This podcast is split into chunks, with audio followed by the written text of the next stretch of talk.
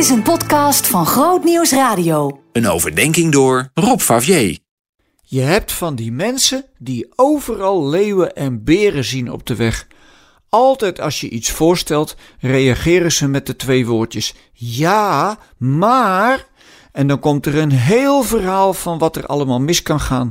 En als er niets mis kan gaan, zijn ze daar weer bang voor. Als je zo in het leven staat, kom je vast niet zo ver met idealen. Want ik denk dat mensen die altijd ja, maar roepen, ten diepste geleid worden door angst voor het onbekende. En er is een oud spreekwoord dat zegt: angst is een slechte raadgever. Als ik me destijds met alle hartperikelen had laten leiden door angst, zou ik nooit meer zo hebben kunnen genieten op de racefiets als ik nog elke week doe. Angst verlamt.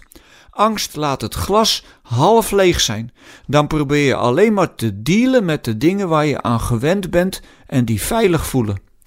Nou, dan moet je dus geen discipel zijn, want die vielen van de ene verbazing in de andere. Toen Jezus eens een hele menigte mensen had toegesproken en zieken had genezen, waren ze eigenlijk met z'n allen de tijd vergeten.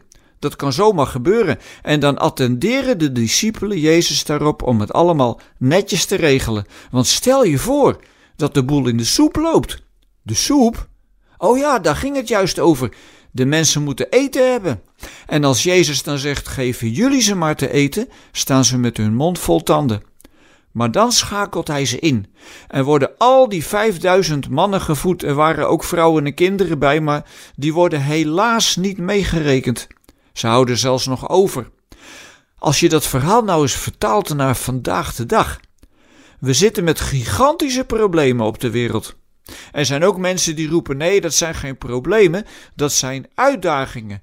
Hoe dan ook, wie als antwoord op die problemen roept: ja, maar er is geen beginnen aan, die staat misschien wel niet eens op van de bank als er weer eens een collectant aan de voordeur staat. Dus als je het mij vraagt, moet je niet zo snel roepen: ja, maar. Ik lees namelijk nergens in de Bijbel dat Jezus dat ook deed, want hij liet het woordje maar weg en ging ervoor in Gods naam. Dus ik heb een paar tips over wat je niet moet zeggen. Ja, maar dus. En ook, dit is niet op te lossen. En ook, het is dweilen met de kraan open. En ook, het is maar een druppel op een gloeiende plaat.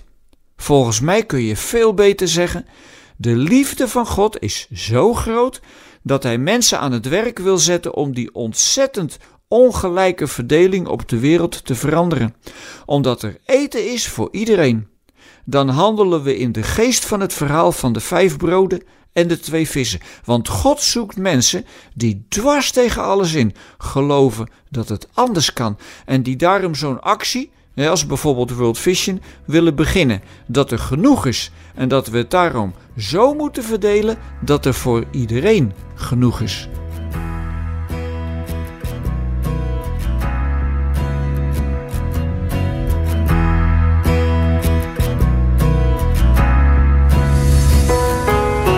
Meer verdieping? grootnieuwsradio.nl slash podcast